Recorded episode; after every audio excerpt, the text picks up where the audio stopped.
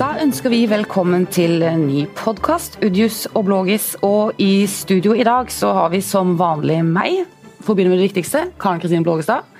Og også som vanlig politisk redaktør Vidar Udjus. Her. Så har vi en intern gjest i dag, og det er jo sjefen vår, Eivind Jøstad. Da må du respondere med å si hei. hei. Takk. Og Takk så for å få lov å komme tilbake. Ja, vær så god for det. Ja. Eh, Så har vi også gått utenom huset i dag og hentet eh, enda en sjef. Og det er altså rett og slett selveste sjefen for NRK Sørlandet, Morten Rød. Velkommen til deg. Jo, takk. Jeg var litt spent på om du skulle si 'selveste'. For Jeg har lagt merke til andre har fått, og jeg fikk det også. Ja. Takk. takk. Har du lagt merke til at Vidar Udhus aldri får det? Ja, jeg har vel også det. Det har du Ja. også, ja. Lurer på om vi skal komme i gang. Ikke si til Vidar. Eh, Du nølte jo ikke med å stille opp hos oss, Morten, og det var jo raust av deg. Men jeg lurer litt på, vi fikk litt sånn bismak av det. Er det fordi du føler at denne podkasten ikke er en reell konkurrent til NRK Sørlandet? Nei, det, det tror jeg dere kan være. For vi har jo ikke podkast per i dag. Men vi er jo, vi er jo direkte vet du, på radio. Og så har dere ikke Udius og Blågis. Nei, det har vi heller ikke. Du, eh, Morten, nå har jo du jobbet i NRK en stund og blitt litt husvarm der. Hva, kan, vi, kan vi spørre deg nå, hva er liksom eh, per i dag din hovedambisjon med NRK Sørlandet? Ja. ehm, jeg begynte jo 16.1, men, men allikevel. Ehm, det er å bli mer vesentlig for flere, og nå ut til flere, tror jeg. eh, med det innholdet vi har. Vi har veldig mye godt innhold. Ehm, og vi er på mange flater og i mange kanaler, radio og TV, også lokalt. Og at vi kan eh, markere oss også enda sterkere digitalt. Hva er det vanskeligste jobben din? Hva er den største utfordringen din? Nei, det, det må- jo være å forstå NRK godt. Eh, Det er en svær organisasjon som jeg har kommet inn i. og som er, eh, Jeg kommer jo fra Agderposten. Den er noe mindre. Sånn at eh, det tar litt tid å bli kjent, både formelt og uformelle kanaler. Så mm, ja, jeg holder på med det. Å lære meg ting. Som jeg har ikke jobba i radio eller TV før. Så, så det er nye områder. Så Og så har du jobba i Fædrelandsvennen igjen før Agderposten. Hva, hva tar du Ja. med deg fra, fra Fevennen og Agderposten inn i NRK? Hva, hva kan du ta med Du var vel med på en TV-satsing i Fædrelandsvennen, egentlig? Ja, radio òg. Ja, både radio og TV. Så når du sier du ikke har jobba med det før, så Ja, nei, men jeg har ikke Åssen liksom gikk det? tett. Nei, Ja, det sto det ikke noe om at vi skulle snakke om. Nei, nei, nei, nei, det var ikke avtalen. Nei, men TV hadde vi jo. Lokal-TV. Eh, TV Sør det var jo en, eh, en populær uh, eh, Så lenge det ble holdt økonomisk.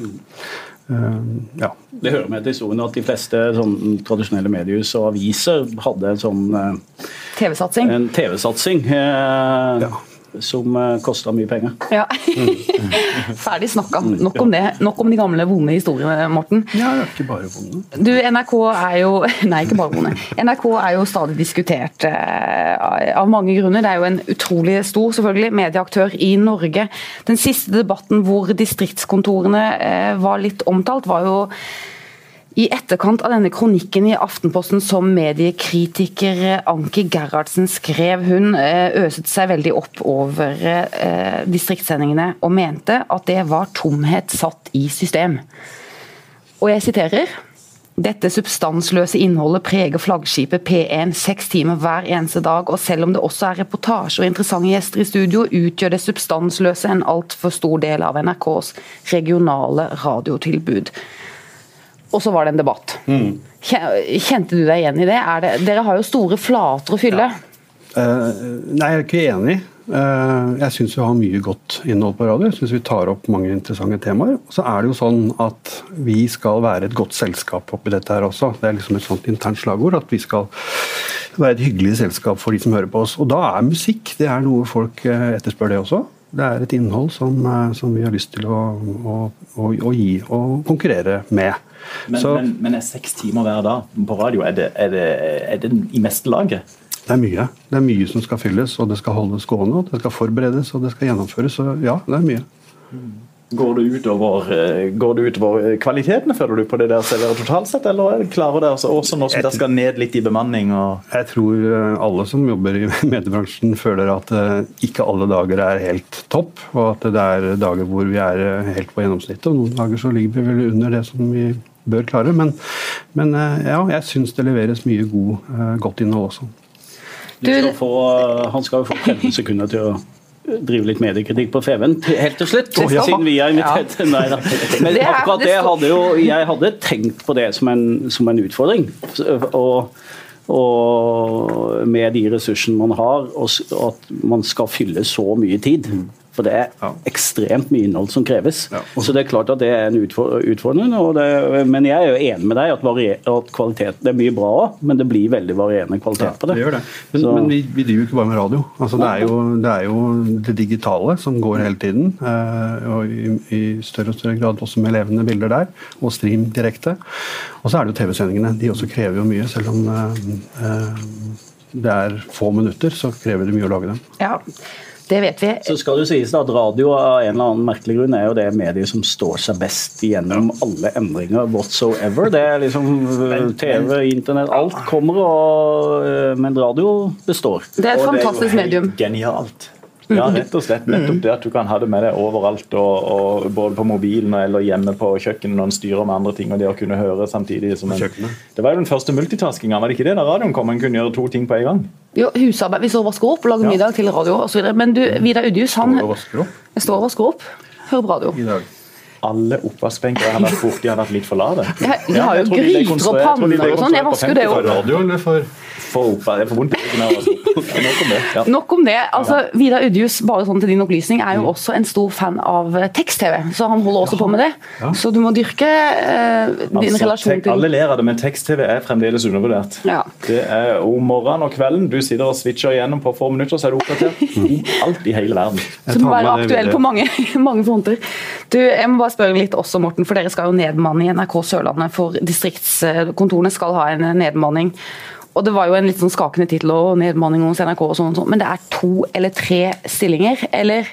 Ja, altså i, i eh, distriktsdivisjonen, da, som består av eh, 15 kontorer, så er det 16 årsverk som skal ned. Og av de så skal eh, to ned i region sør. Vi har jo et regionnivå. Da skal én tas i eh, Telemark, og så skal én tas hos oss. Det er en del av de 16. Og I tillegg så har det foregått en, en standardisering av teknologi. Eh, det er jo en veldig intern ting, men, men i den standardiseringen rundt teknologi så skal det også i tillegg da tas ned to årsverk hos oss eh, i Kristiansand. Du, Eivind Jøstad, det er jo ikke noe altså To nedbanninger det er jo ikke noe imot hva Schibsted-avisene har gått gjennom, eh, kan man tenke kanskje? Eller Eh, nei, det er det ikke. blir du litt misunnelig på NRK-lisensen? På at NRK som institusjon er litt skjermet for eh, konkurranse og fallende annonseinntekter og alt det der? Nei, Det bruker jeg ikke så mye tid på, men, men eh, nå, er, nå er vi jo inne i en ganske viktig debatt om uh, mediemangfold i Norge, og hvordan man skal finansiere eh, de frie, uavhengige mediene. Og I den eh, debatten så hører NRK finansieringa med, og NRK-lisensen. Så man av og til vi skal diskutere hvordan mediestøtte i Norge skal være, offentlig støtte til medier, så må NRK-lisensen være med. Hvis du hadde fått eh, organisert litt politisk Medie-Norge på nytt, hvordan hadde du eh, rigget NRK da? Hadde det vært eh, fortsatt NRK-lisens? Det har i hvert fall fortsatt støtta veldig at vi skal ha en sånn allmennkringkaster i eh, Norge. Det er veldig fan av NRK på det, og at, eh, og at det er bra for landet. Og NRK har veldig mange viktige oppgaver som, det, som, som jeg tror alle i media støtter veldig at vi skal ha. Eh, Så er det jo eh, eh, en viktig diskusjon i hvorvidt hvor langt NRK skal gå digitalt og konkurrere med nettavis, nasjonale nettaviser, og FVN for øvrig òg, her i, regionen. Som jeg skjønner veldig godt at NRK gjør det, men, men det er klart For oss hadde det vært bra hvis de holdt seg til radio og TV. Ja, ikke sant? Men, men det er jo sett fra, fra min stol. Hvis jeg hadde jobba i NRK, så er det selvfølgelig i 2017 er vi nødt til å være med på, på internett. Så er det en diskusjon om eh, lisens, eller om man skal gå over til en sånn husstandsavgift uh, ja. heller, som går til alle medier. Uh, Eh, viktig diskusjon, men nå er jeg mer opptatt av egentlig eh, hvordan man, politikerne vil rigge finansieringen av aviser som Fedrelandsvennen. Du rakk opp hånda, Vidar. Eh, det har jeg lært hjemme. Ja. Da, men jeg ville bare spørre i forlengelsen av Eivinds innlegg, så ville jeg bare spørre Morten. Er du, er du redd Morten, for at NRK blir for likt andre mediehus? Uh, og at det dermed oppstår en debatt Oi, hvorfor skal vi egentlig ha et offentlig finansiert NRK når, når f.eks. nrk.no er enormt likt uh, vg.no eller til dels aftenposten.no f.eks.? Um, nei, altså jeg må si at vi, vi, må jo være der på de digitale flatene. Det er helt avhengig av å være der hvor, hvor publikum er. Um, ja, altså Vi jobber jo litt med å finne uh, NRKs uh, Eh, retning på digitale plattformer. Vi har jo eh, vi har en posisjon som kanskje den eneste som fremdeles kan samle landet eh, på, på, på en gang. Men, men når, det, når, det, gjelder om vi blir for like altså Jeg tror vi må leite litt etter hva, hva, hva vi kan spille inn av det rikholdige utvalget som er i alle kanalene våre. Og det pågår en, en debatt om det også internt i NRK, hvordan vi skal fremstå. Men du Eivind, jeg må spørre deg litt. Eh, altså Nå er det litt krise i Medie-Norge og i medieverden for øvrig. Eh, forstår folk flest, tenker du, eller tror du, akkurat pressen skal ha litt sånn ekstraordinær støtte når de opplever vanskelige tider? I forhold til f.eks. For andre sektorer som har finanskrise og nedgangstider og alt det der? Jeg tror ikke folk flest går rundt og uh, tenker på at mediene sliter med finansieringsmodellene sine. Det tror jeg ikke. Um, de har nok fått det med seg, akkurat som man kan få med seg at det er krise i oljebransjen eller andre bransjer hvis man uh, følger med i mediebildet. Så er det jo noen misforståelser ute og går. For det første så Eh, er det jo ikke uvanlig i Norge at eh, det offentlige støtter bransjer som sliter. Det gjør vi på veldig mange eh, nivåer. Det er også en misforståelse at mediene får voldsomt mye pressestøtte. En avis som Federlandsvennen får ikke vi, vi har ikke noe direkte pressestøtte i Norge, annet enn at vi har et momsfritak som vi har hatt på, i alle år på papiravisen. altså at at våre abonnenter slipper å betale moms på abonnementet. Det er utrolig viktig eh, at vi har, og det har vi kjempa for å få også digitalt. og Det har vi fått, og det er kjempeviktig for oss. Utover det så har ikke vi noe pressestøtte. Nei, men Har et ønske om eh, fritak for arbeidsgiveravgift f.eks., og det er jo også foreslått som et tiltak midlertidig, riktignok, i dette Åmås-utvalgets mediemangfoldsrapport. Det er jo ikke veldig vanlig.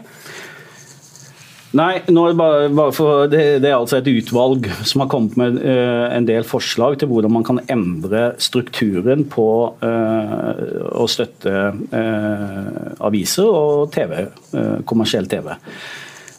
Og Bakgrunnen for det er jo at uh, de tradisjonelle modellene, forretningsmodellene våre er under veldig press. Sånn at, uh, og Det alvorlige himmelen over det er hvis man ønsker å fortsatt ha et mediemangfold i Norge. og en, hva skal si, altså det, den, det, bidraget vi har til den offentlige debatten, da,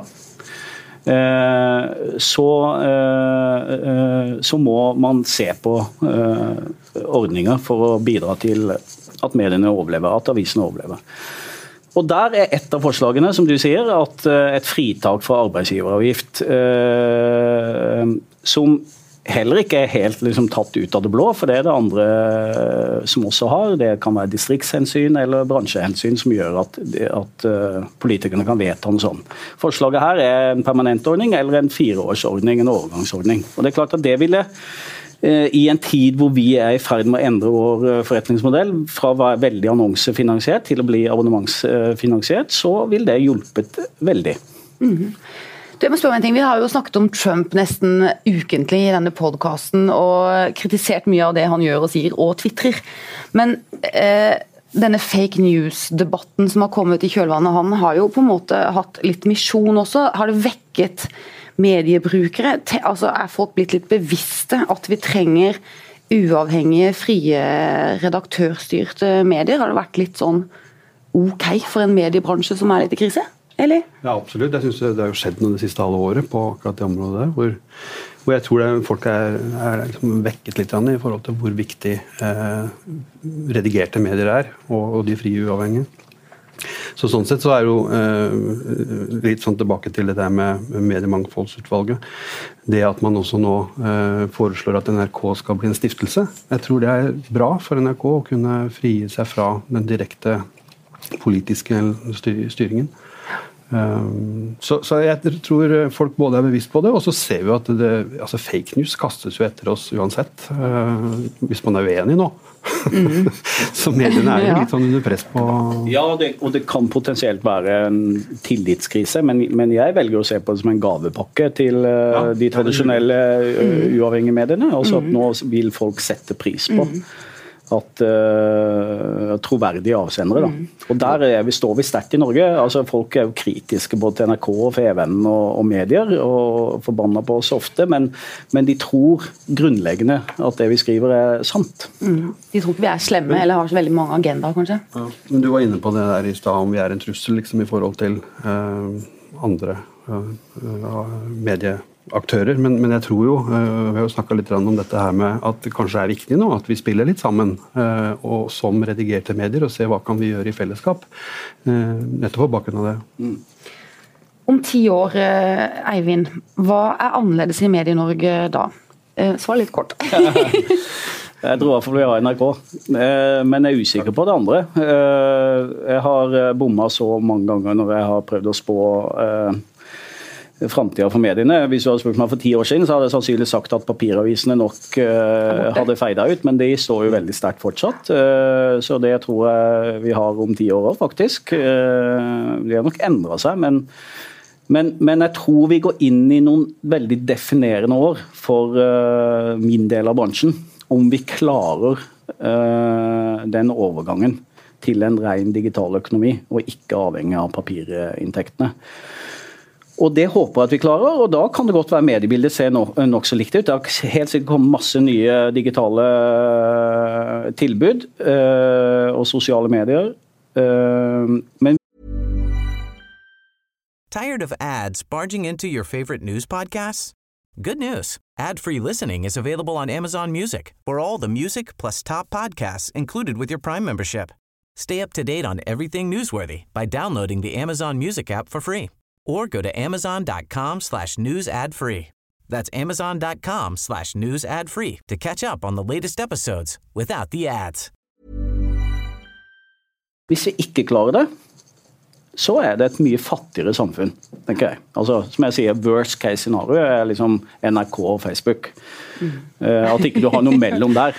Nei, men det er jo mye uh, Og sånn blir det jo ikke. Men, men uh, jeg syns jo det er et utrolig fin del av det norske eh, demokratiet og mangfoldet at vi har aviser på hver knaus. Og, mm. og så vil det sitte en ute i Søgne og leite etter tekst-TV i all eh, fremtid. Ja, ja. Eh, Men det må han få lov til. Det må han få lov til. Du, har vi tekst-TV i 2027? jeg, skal, jeg, skal, jeg skal undersøke, og så kommer jeg tilbake til deg. Ja. Send det på mail, eller send det på Telefax kanskje til eh, Vidar Urjustad. Du, du skal få lov til å si litt Du skal få lov til å oppsummere og avslutte denne sekvensen, Morten fordi at vi var litt på NRK. Så det verste med Fjellandsenden, hva er det verste med Fjellandsenden? Hva er det som irriterer deg med denne avisen? Hva ville du gjort annerledes her hvis du var f.eks. Eivind? Nei, jeg har egentlig kvitta meg med det verste i Fjellandsvennen allerede. Jeg har eh, bare den digitale utgaven. Riktig. Det var litt snert. Det var snert, snert. Sånn papirhumor, det ja, altså, Ett poeng, Morten Rød. Okay, ja. Greit, Morten. Det var godt svar. Men man burde jo lese papiravisen, for det har jo samme snittalderen som, som NRK. NRKs uh, lyttere og TV-seere. Ja. Så det er en viktig gruppe, Morten. Ja da. Må ikke undervurdere de. Jeg sier ikke noe om den gruppen, jeg bare det, sier om ja. noe om hva jeg gjør. Du, Nå skal vi over til et tema eh, som er nesten like viktig som eh, media og mediebildet i Kristiansand. Og det er eh, den store høyrepopulismen som svinger over verden og i Europa. Og det var jo valg i Nederland denne uken, og eh, det gikk jo ikke helt som vi hadde fryktet videre, jeg spør deg, siden du er politisk redaktør. Mm. Uh, Gert Wilder vant ikke, og han ble heller ikke sånn suverent eh, stor. Er det grunn til optimisme foran valgene i Tyskland og Frankrike? han gjorde et godt valg, eh, men det ble langt mindre godt for hans del enn det han hadde håpet på. så Derfor ble det et nederlag. Så han hadde lagt noen strategier som slo tilbake på han sjøl. Ja. Eh, og dermed så vet jeg ikke om det er riktig for den innledningen du hadde, nemlig at en høyreekstrem bølge som svinger over Europa, det er vel eh, å ta litt hardt i. Det har vært to valg hvor høyrepopulistene vant mot mange odds. og Det var brexit og det var valget i USA. Men så har vi hatt to valg i Europa siden. Valget til president i Østerrike og nå det nederlandske valget, hvor folk sa nei takk til ytre høyre. Samtidig så må man si at ytre høyre får eller eh, til en viss grad gjennomslag eh, også uten å komme i regjeringsmakt, fordi at de har klart å flytte hele den politiske agendaen, hele det politiske landskapet over mot høyre i, ma i mange land. Ja, og også med Mark Rutte, som jo eh, fortsatt blir statsminister for han. Han er fortsatt statsminister, men han har beveget seg mange skritt mot høyre og snakker nå på en måte om innvandring som han ikke gjorde for tre, fire, fem, seks år siden. Ja, Ligner mer på Vilde sånn sett. Og Det var jo kanskje litt sånn manna fra himmelen for han da, at uh, Tyrkia prøvde å drive valgkamp i Nederland. Det, det han viste seg jo som en statsmann der og sto og var sterk og klar. og i det hele tatt, så Han, han tjente åpenbart på det. Det var jo mange som trodde på forhånd at å, nå kommer Wilders til å tjene på dette, her, men det gjorde da statsministeren. Men tyrkerne gir seg ikke, for Erdogan han har nå i ettertid slått fast at de er like fascistiske alle sammen, enten de heter Wilders eller andre ting. Så der er det, der er det hakk i plata. Men det mobiliserte jo velgere, for over 80% gikk jo rett og slett og stemte i Nederland. Det er jo en uh, fin ting. Kan liksom uh, det vi opplever da som litt sånn uh, mye blest rundt høyrepopulismen, mobilisere? Det var veldig positivt, og det tror jeg det mobiliserer. Ehm, hvis du ser i hvert fall på brexit, så var kanskje noe av problemet at det mobiliserte veldig på uh, de som ville ut. Mens de som ikke ville ut, de tenkte at her, den saken er avgjort. Så de gikk ikke og stemte. Og så gikk det som det gikk. Og det har man jo lært av. Så det kan da bidra til mobilisering av Nederland nå, at nå må vi gå og stemme. Mm. Så var det jo interessant med altså det som er uh, viktigere. Hvis man heter Jonas Gahr Støre eller er en del av den sosialdemokratiske bevegelsen i Europa, så er det jo nok et sånn katastrofevalg, da. Mm. Men Norden skiller seg jo litt ut der eh, fortsatt, fortsatt ennå. Hva tror du, Morten? Er, ser vi begynnelsen på avslutningen av sosialdemokratiske partier? Nei, det tror jeg ikke. Uh, nå, eh, men, men, det som blir interessant å se, er jo hva som skjer nå i, i Frankrike og Tyskland. Altså Om mm. dette får innvirkning der igjen, eller om det var ja, Hva tror du, da? Nei, jeg eh, ja, Er det fordi jeg er utenrikspolitisk eh, ekspert at jeg sitter her, kanskje? Men, eh, men nei, jeg, jeg, er ikke så sikker. Jeg tror på en måte det er litt forskjellige ting som kan virke inn i de ulike landene.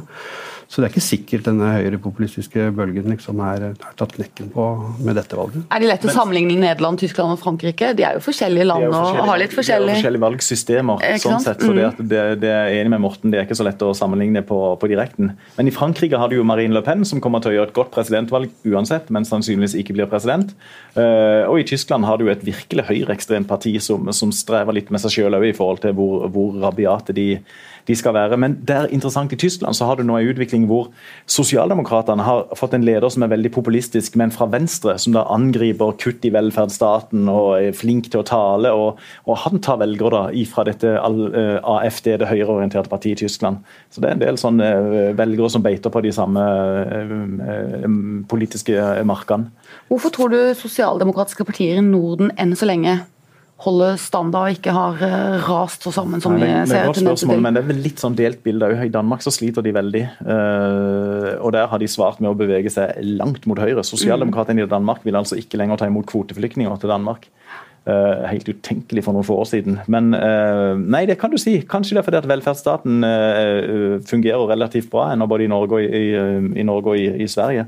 Mens i andre land så har, så har f.eks. i Nederland katastrofevalg for sosialdemokratene. og hvor, hvor, innvandring har vært et hett politisk tema lenge. der har Wilders tatt velgere direkte fra sosialdemokratene. En ser det samme i andre land òg. Globalisering, innvandring, velferdsstat, arbeidsledighet Mm. Det har vært en vanskelig kombinasjon for mange sosialdemokratiske partier. tror jeg. Mm. Så har du avsløring i korrupsjon og sånne ting også som spiller inn. Tillit. Ja. Da har vi det igjen. En, en litt interessant ting er at for eksempel, Brexit og USA så ah, meningsmålingene stemmer ikke i det hele tatt. Så kom Østerrike og stemte egentlig helt på prikken. Kom Nederland, stemte nesten helt på prikken. Så det at vi er liksom litt mer tilbake i normale farvann sånn sett. Ja, det. Mm.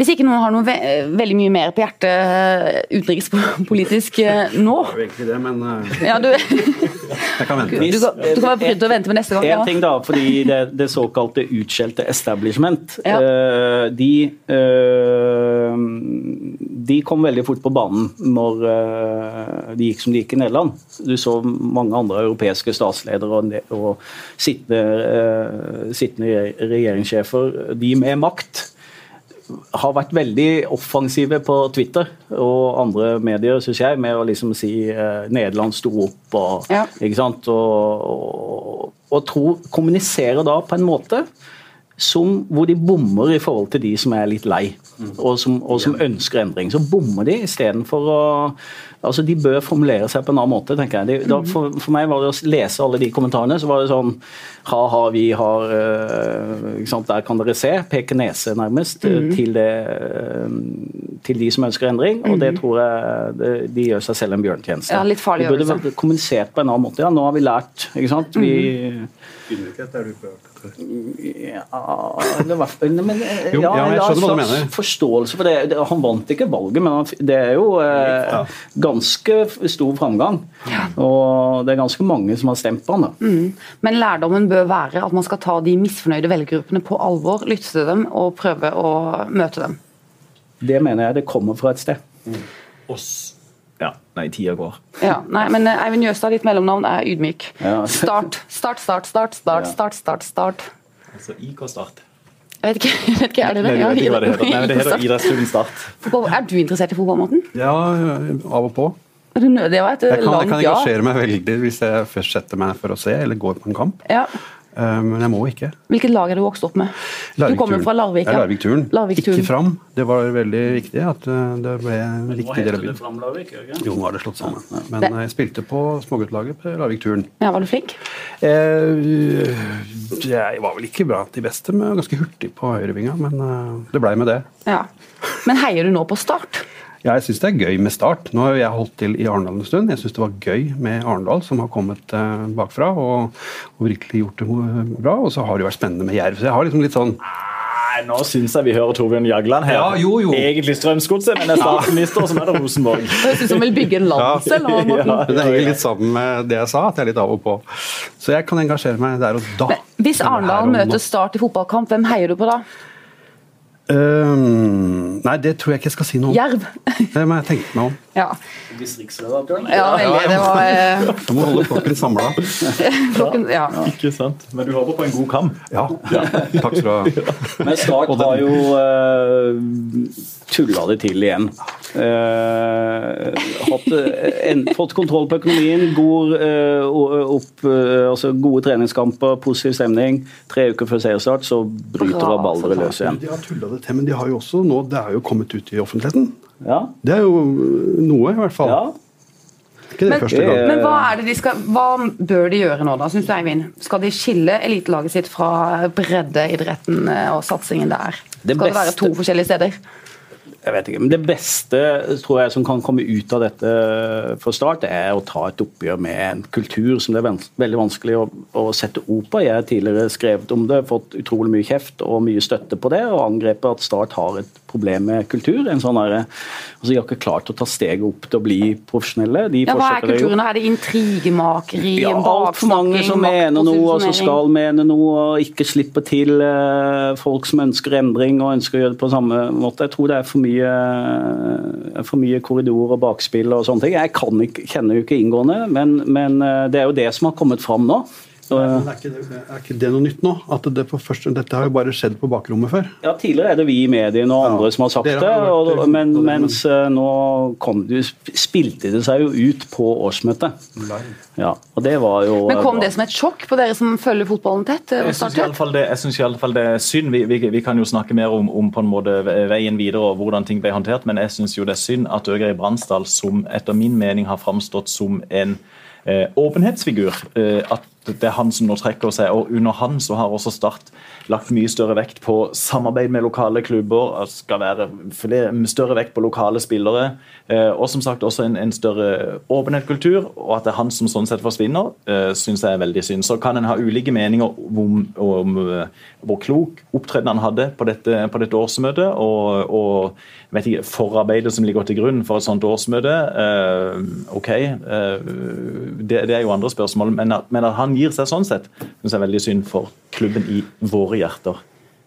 Hva slags leder altså Nå skal jo da starte ut og, og leite etter en ny sjef. Tror, tror, du det er noe mulighet for å overtale ham til å ombestemme seg, eller er det løpet kjørt? Nei, og jeg, og jeg, tror også for Start sin del at når han har sagt at ingen vil, så tenker jeg ok, så la han gå. Men, men, det er klart, det er jo uh, Tom Nordli var jo veldig på det, at det måtte jobbes nå for å få Jeg så det, at han ble intervjua på NRK, jeg var veldig på det, men, men det er jeg kan jo anbefale, Vi i FVN har jo en annen podkast som snakker mer om fotball enn vi pleier å gjøre. Ja, Den pleier ikke vi nevne her. Eh, nei, men jeg vil gjerne skryte av den. og Der eh, var jo dette temaet nå, den ligger ute på fvn.no. og Der var temaet Jesper Mathisen og Tore Løvland bl.a. Eh, og vår sportssjef Pål Jørgensen diskuterte Start lenge.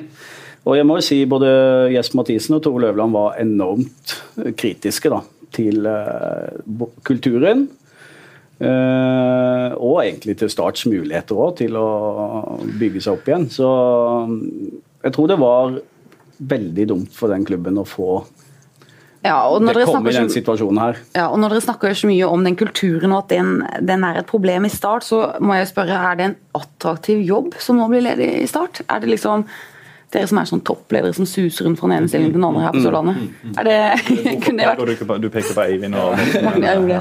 det. Litt tidlig tror, tror du er dømt politisk redaktør? Morten? Ja. Det var, var spørsmålet. Tenker du at det er en attraktiv jobb? Den som blir ledig i starten nå? Er det Ikke sånn umiddelbart at det rykker i alle nerver hos veldig mange, tror jeg. Nei.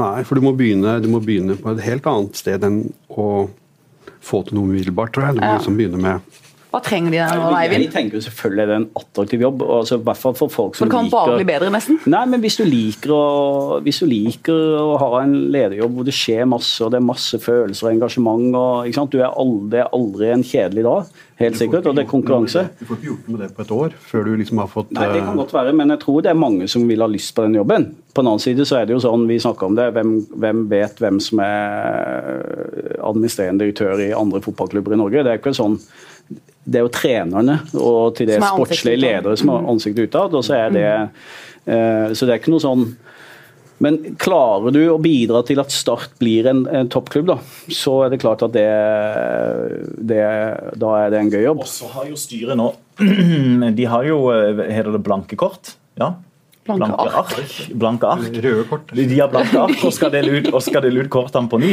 Så det at Når de nå skal ansette både eh, sportssjef og eh, ny daglig leder, så ligger det store muligheter for styret til, eh, til å få inn mennesker som kan forme klubben i den retningen som styret mener er riktig. Men på den veien så må jo styret bestemme seg for om skal vi skille eh, A-laget i fotball ut som en egen eliteenhet eller skal vi fortsette som breddeklubb? Det, det må de jo bare ta et strategisk valg på og, eh, og implementere. Men her tenker jeg i hvert fall En oppsummering er jo at styret, om ikke rødt kort, så må det i hvert fall være gult kort til styret. At de har latt klubben kom i den situasjonen det er nå. Hvor, hvorfor har ikke styret visst hvor frustrert Bransdal har vært? Uh, hvis de har visst det, hvorfor har de ikke sørga for å gjøre noe med det? Hvis denne debatten om hvordan klubben skal være organisert er så brennhet som den er nå, hvorfor har ikke det kommet fram? Hvorfor er det ikke forberedt til årsmøte på en helt annen måte? For meg framstår det som et ganske dårlig styrearbeid. Da. Det er det samme styret som fortsetter, er det ikke det? Jo, det det, det, det, er jo det, absolutt. Men, men som Eivind sier òg, det, det, er en del spørsmål i forhold til hva ja, hvorfor, å ja, hvorfor har dette her fått lov til å mm. suse og gå så lenge, uh, siden det tydeligvis er så bitre konflikter når det kommer til overflaten? Det er ganske dramatisk at en toppleder går på den måten. altså Hun sier bare nå vil orker ikke mer. Og ok, hva er det da som ligger bak? Må, det har jo ikke skjedd over natta. Det er jo en langvarig frustrasjon som han har gitt uttrykk for å ligge bak. Det burde styret ha tatt tak i for lengst, og ikke latt det utspille seg sånn som det gjør på på det årsmøtet, da, som var selsomt å sitte og se på. Ja, og Da høres det jo ut som vi kommer tilbake til eh, start ved et annet høve i denne podkasten. Mye tyder på det. Eh, Morten Rød, distriktsredaktør i NRK Sørlandet. Vi skal runde av podkasten nå. Eh, tusen takk for at du kom. Har du, syns du det gikk bra?